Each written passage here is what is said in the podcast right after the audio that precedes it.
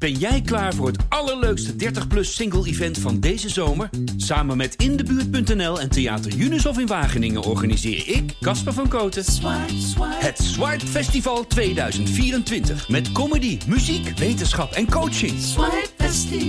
Maar vooral heel veel leuke mensen. Bestel nu je kaart op swipefestival.nl. Swipe, swipe.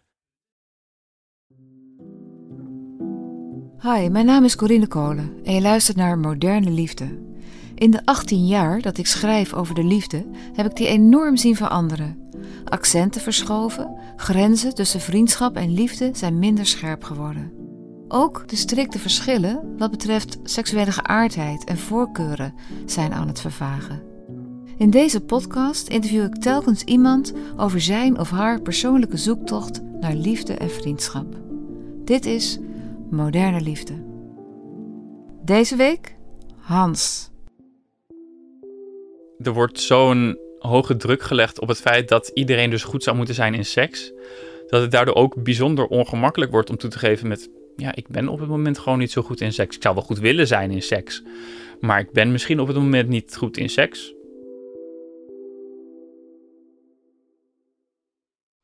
Hans, welkom. Dankjewel. Hoe oud ben jij? Ik ben 29. En als ik het goed begrepen heb, dan heb je heel lang op datingsites gezeten. Ja, klopt, ja. Toen ik het eerst begon met die dating sites, eh, toen was het ook nog letterlijk een website. Op een gegeven moment zijn het allemaal apps geworden natuurlijk. Maar toen ik net begon op die dating sites, toen ik 19, misschien op begin 20 was, toen was het echt heel erg om op zoek te gaan naar mijn eerste relatie, zeg maar. En op een gegeven moment lukte dat gewoon niet. Maar nou ja, uiteindelijk was de manier waarop ik ermee bezig was ook niet een manier waarop er zomaar een langdurige relatie uit ging komen. Welke manier was dat dan? Ehm, ja, eigenlijk was ik altijd gewoon van tevoren al bang dat het niks ging worden. Dan was ik bang dat als ik dan te lang met iemand bleef omgaan, uh, dat het dan alleen maar moeilijker ging worden om het op een gegeven moment dan weer af te breken. Het kan toch ook leuk zijn met iemand? Ja, ja, maar ik was op dat vlak dan toch een beetje een doemdenker. En dat ik altijd in mijn achterhoofd had met... ja, maar wat nou als het toch niks wordt en ik het dan moet afbreken... en hij het dan toch nog wel helemaal geweldig vindt. Dus eigenlijk om alle gedoe in je hoofd voor te zijn... Uh, beperkte je het tot een x-aantal weken. Zeg ik het zo goed? Ja, ja, meestal eigenlijk tot twee, drie dates of zo. En dan daarna... Uh... En wat als je iemand dan heel erg leuk vond na die twee, drie dates? Dan verzon ik wel iets in mijn hoofd om te bedenken waarom ze toch niet leuk waren. Hoeveel jongens heb je ongeveer gezien in die tijd? Poeh. Um...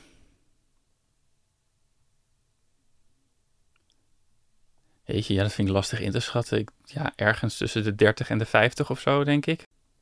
En één ontmoeting die me sowieso nog wel heel erg bijbleef.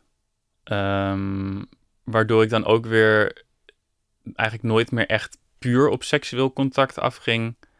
Want dat had ik dan op een gegeven moment nog wel een beetje dat ik heel erg op zoek ging naar gewoon een date die bestond uit seks. Maar dat was eigenlijk op het moment dat ik praktisch nog nooit seks had gehad.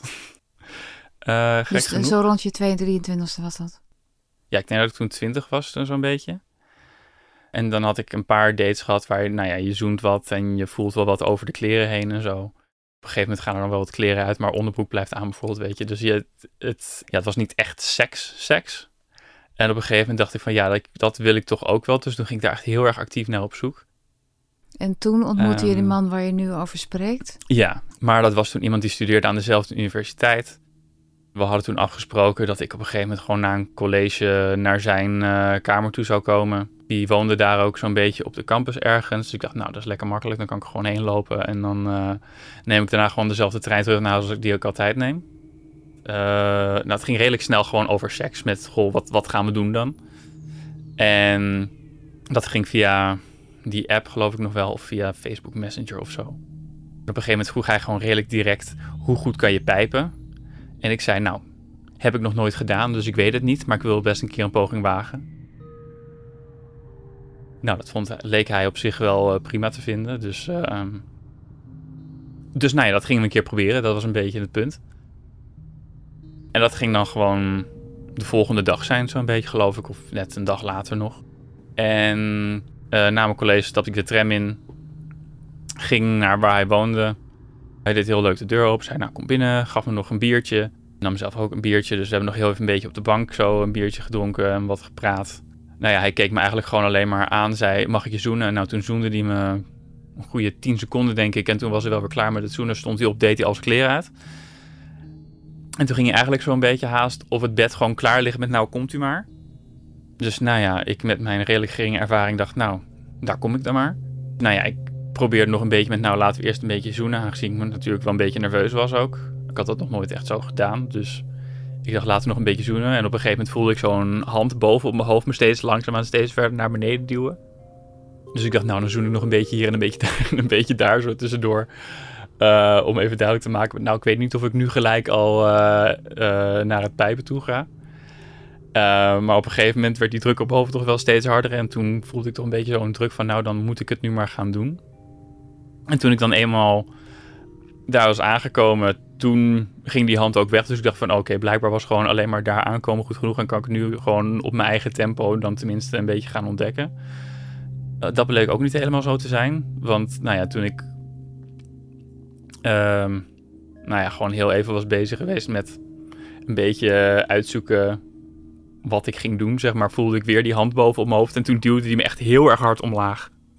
En toen dacht ik, nou, shit, dat was niet helemaal de bedoeling. Dus ik begon een beetje te kokhalsen. En toen uh, probeerde ik zijn hand weg te trekken. Maar nee, omdat ik nog maar op één hand kon leunen, toen viel ik eigenlijk gewoon een beetje voorover. En nou ja, toen begon ik al helemaal te kokhalsen. En ben ik gelijk naar de wc gerend, omdat ik het idee had dat ik bijna moest kotsen. En ja, dat was voor mij toen wel een beetje het, het einde van het uh, seksverhaal voor die avond.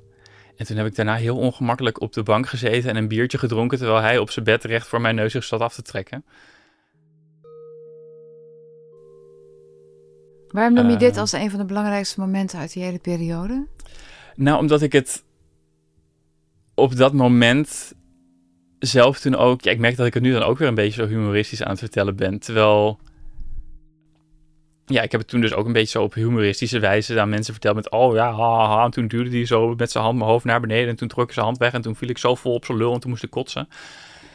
En toen vertelde ik alsof, dat alsof het echt super grappig was, terwijl ik het in dat moment echt super oncomfortabel en ongemakkelijk vond. En ik daarna ook een hele tijd gewoon absoluut geen zin meer had in seks of überhaupt daten met mensen. Omdat ik de hele tijd alleen maar dacht met, oh shit, wat als we iets gaan doen waar ik geen zin in heb? Uh, wat ga ik dan doen? En toen ik daarna dus wel weer ging daten, was dat ook, als ik dan seks had, het enige waar ik de hele tijd mee bezig was. Met kijken waar gaan zijn handen heen, waar gaat zijn hoofd heen, waar, wat is hij allemaal aan het doen? Moet ik al actie ondernemen voordat hij iets gaat doen wat ik niet wil? Dus dat ja, was iets wat ik, uh, wat toch wel redelijke impact heeft gehad op hoe ik daarna met daten ook omging. Wat dan? Wat precies? Hoe gingen er aan de dates die daarop volgden? Nou ja, omdat ik natuurlijk dan wel redelijk wat uh, nervositeit had omtrent seks nou ja, dan kan je je voorstellen dat je niet de meest geweldige seks hebt ook. Als je de hele tijd alleen maar bloednerveus om je heen aan het kijken bent met... oh shit, wat gebeurt er? Wat is hij aan het doen? En die nervositeit omtrent seks, dat heeft toch nog wel jaren daarna geduurd. Ook omdat ik daarna nog wel herhaaldelijk vergelijkbare situaties heb meegemaakt... van iemand die dan toch opeens iets deed waar, wat ik niet wilde doen. Wat we ook dan niet hadden afgesproken dat we dat gingen doen. Want dat krijg je dan nog op zich wel uh, met van die apps die dan echt heel erg op seks gericht zijn. Dat mensen dan wel vragen met oké, wat zullen we gaan doen? Wat wil je doen? Welk inzicht heeft die hele periode al gegeven? Het heeft me geleerd dat heel veel mensen toch wel heel erg egoïstisch zijn in bed. en dat het dan ook niet helpt als je daar zelf, als je zelf ook niet echt iets onderneemt. Want dan gaan mensen op een gegeven moment denken met, nou ja, ik probeer maar wat. Wat natuurlijk niet echt de manier is om het aan te pakken de manier waarop ze het wel hadden moeten aanpakken is gewoon aan mij vragen met vind je het nog wel fijn, wat wil je dat ik doe? Maar ja, ik denk dat heel veel mensen dan toch ook niet echt weten hoe zij daar dan mee om moeten gaan. En dan dus zelf maar wat gaan proberen in plaats van um, in een gesprek proberen op te lossen. Ik denk dat er heel veel mensen zijn die het heel ongemakkelijk vinden om te praten over seks. En ik merk toch wel dat ik door die ervaringen nu een stuk makkelijker praten over seks. Omdat ik het gewoon op een gegeven moment ook moest hebben met mensen erover. Met, ja, op een gegeven moment vroeg dus wel iemand aan met... Vind je het wel leuk met me? Want ik heb het idee dat je er helemaal niks aan vindt. En toen moest ik toch wel uit gaan leggen met waar die nervositeit van mij vandaan kwam. Heb je dat verhaal verteld van die man? Ja, dus toen uh, nou, moest ik toch wel even gaan uitleggen waar het dan door kwam. Omdat nou, tegen die tijd um, had ik me er ook wel een beetje overheen gezet dat ik het moest afkappen voordat het ongemakkelijk ging worden om het af te kappen. Dus toen ging ik toch wel wat langer met mensen proberen te daten. Dus dan ging ik op zowaar vier dates in plaats van drie. Of zelfs dus ietsje langer. Ja, dan moet je het toch wel op een gegeven moment met, mensen erover hebben. En dan gaan mensen op een gegeven moment toch wel vragen met... Goh, hebben we nu een paar keer seks gehad? En ik heb toch het idee dat je er niet heel erg veel aan vindt. En dan moet je het toch vrij regelmatig erover gaan hebben. En dan krijg je ook steeds meer een besef van goh, ja, dit is eigenlijk wel waar dat allemaal vandaan komt als je het dan zo allemaal uitspreekt. En van daaruit merk je ook dat zodra je het er gewoon over hebt, mensen altijd heel begripvol reageren eigenlijk.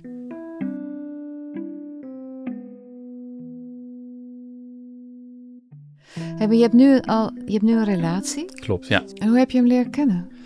Ja, via, via wel uh, via Grindr. Dan moet het wel heel veel harder een type zijn geweest. Of had je zelf ineens een andere instelling? Want jij wilde toch nooit langer dan een aantal keer met iemand afspreken? Ja, ja, maar tegen die tijd was ik dus op zich ook wel al vaker langer met mensen aan het afspreken. En dan keek ik altijd maar een beetje waar het eindigde. En nou ja, dan was ik op een gegeven moment dus inderdaad wel tot de conclusie gekomen dat je ook twee maanden met iemand kan daten of drie maanden met iemand kan daten. En dat het dan toch niet is en dat je het dan afbreekt en dat het toch niet het einde van de wereld blijkt te zijn. Ben je verliefd op hem? Ja, ja, absoluut wel, ja.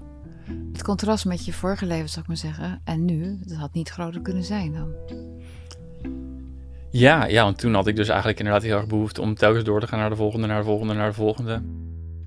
Ik was ook altijd een beetje bang dat als ik dan langer in een relatie zou zitten, dat ik dan toch altijd zo'n soort van dwang zou hebben om toch weer dat ik, dat ik dan bang was dat ik dan iemand zag en dacht van, oh, hier zou ik nog een betere relatie mee kunnen hebben of zo. Uh, oh, van, oh, die, die vind ik nog leuker dan degene met wie ik nu date. En dat is niet zo. Nee, nee, kijk, weet je, je, je, fantaseert nog steeds wel eens over andere mensen misschien of zo, maar dat is dan niet, sowieso niet heel erg concreet. Maar het is ook niet dat daarachter dan. Er zit niet echt een verlangen achter of zo om dan met iemand anders iets te gaan doen. Is dat rust? Zou je dat rust kunnen noemen? Ja, eigenlijk wel, ja. Wat vond je leuk aan hem? Wat vind je leuk aan hem? Ja, dat het gewoon dus heel makkelijk is om met hem te praten over alles eigenlijk. Uh, ik heb niet het gevoel dat er iets is wat ik niet tegen hem zou moeten zeggen, omdat hij dat ongemakkelijk zou vinden. Hij is ook heel erg geïnteresseerd in, in dingen als ik het dan over iets heb wat hij dan toch nog niet kent of wat hij dan toch misschien een beetje raar vindt. Maar dan reageert hij niet met, oh dat vind ik heel raar, maar dan reageert hij met, oh dat wist ik nog niet, vertel me er meer over.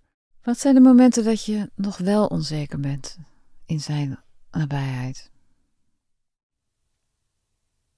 Ja, dat heb ik nu eigenlijk niet echt meer dat ik, dat ik me ergens onzeker om voel. Dat was gewoon in die eerste 1, 2, misschien drie maanden of zo. Um, want nou ja, op een gegeven moment kwam wel ter sprake dat ik nooit klaar, kwam tijdens de seks bijvoorbeeld. Uh, want het was toen, ja, we we hadden net seks gehad. En we lagen nog gewoon een beetje in bed samen ja, en eerst een beetje gewoon zo'n los gesprekje over iets anders, iets niet zeggends. En toen was het even stil en toen zei hij dus opeens zo met dat hij toch gewoon heel frustrerend vond dat ik niet klaar kwam, maar dat hij dat, dat dat dan voor hem dus onzekerheid opleverde ook. En dat was ook een manier waarop iemand anders het ook ooit nog had verwoord, echt dat dat voor hun ook onzekerheid opleverde. Uh, ik heb daarvoor ook wel eens bijvoorbeeld ervaringen gehad met mensen die dan heel erg overduidelijk gefrustreerd raakt en haast een beetje kortaf en boos op mij reageerde. Met, oh, ik kan je niet laten klaarkomen. Oh, waarom kom je nou niet klaar? Ach, waarom, uh, waarom is je erectie nou weer weg? Waarom, die, die een soort van mij beschuldigde van, ja, die heel beschuldigend werden naar mij toe, omdat de seks voor hun niet bevredigend was. En ja, nee, misschien ja, het kwam dan dus ook wel door mij dat de seks niet bevredigend was. Maar dat was dan niet de manier om dat aan te pakken. En heel erg het verschil met hem was dat hij gewoon toen heel rustig aan mij vroeg met... Waar komt dat door? Is er iets heel specifieks wat ik eigenlijk moet doen... wat jij zo lekker vindt dat je dan wel klaarkomt... maar is dat het enige waar je van klaarkomt? Of... En nou, doordat hij dus ook zo open en duidelijk erin was met hoe hij daarin stond voelde ik me er ook een stuk vrijer in om dat verhaal echt in detail uit te leggen met waar het dan door kwam. Uh, want nee, ik bedoel, zoals ik al zei, ik heb wel vaker met andere mensen dat gesprek gehad, maar dan had ik dat toch zo heel kort af even. Of lacherig. Ja, inderdaad, daar maakte ik een beetje een grapje van. Of nou ja, goed. Uh, en ik voelde me nu gewoon heel erg comfortabel erbij om, om een verhaal bij hem te doen. Omdat hij ook zijn verhaal bij mij had gedaan. Toen heb ik het gewoon echt uitgebreid uitgelegd. Um, en helpt jou dat? ja, ja, ja, absoluut. Omdat... Nu kom je wel klaar bij hem. Ja, ja. ja, dat ook. Eh, maar het is ook uh, omdat ik het nu gewoon ook heb uit, kon uitleggen en het gewoon heel duidelijk een, uh, er geen oordeel van zijn kant ging komen van wat ik ook ging zeggen. Uh, dat zelf al was er iets super specifieks waardoor hij mij ging laten klaarkomen en ik dan het ongemakkelijk zou vinden om dat te zeggen, omdat het iets heel raars was of zo, had ik alsnog, omdat hij dus gewoon zo duidelijk zijn volledige en eerlijke verhaal had verteld, wist ik dat ik gewoon dat het enige wat hij wilde was dat ik ook gewoon eerlijk en open mijn verhaal deed, wat het ook ging zijn. En daardoor nam dat gewoon alle druk weg om net even een beetje om de waarheid heen te buigen. Of een smoesje te gaan verzinnen van, oh maar ja, maar het is omdat ik gewoon zo moe ben vaak. Of, oh ja, ik zit nu even niet zo lekker in mijn vel. Dat soort dingen. Van die, van die standaard smoesjes, weet je, de, de, de eeuwige, ik heb hoofdpijn. dat soort dingen. Dat ik wist dat ik gewoon, het enige wat hij wilde horen, gewoon het eerlijke verhaal was. En dat zelfs ook uh, ik wil het nu even niet vertellen, dat dat ook een prima antwoord ging zijn. Ben je nu gelukkig? Ja. ja. Gelukkiger dan toen? Dat, dat sowieso. Um, en ik heb nog steeds wel wat onzekerheden waar ik doorheen moet, maar het zijn geen levensbelemmerende dingen meer.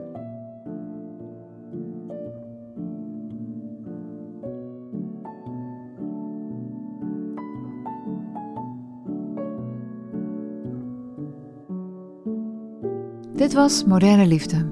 Wil je reageren of met mij in contact komen? Mail dan naar moderneliefde.volkskrant.nl Mijn naam is Corine Kolen. Ik maak deze podcast samen met Mona de Brouwer, tevens editor. Eindredactie en coördinatie is van Corinne van Duin en de begin- en eindmuziek is gemaakt door Juliaan de Groot. Dank je voor het luisteren.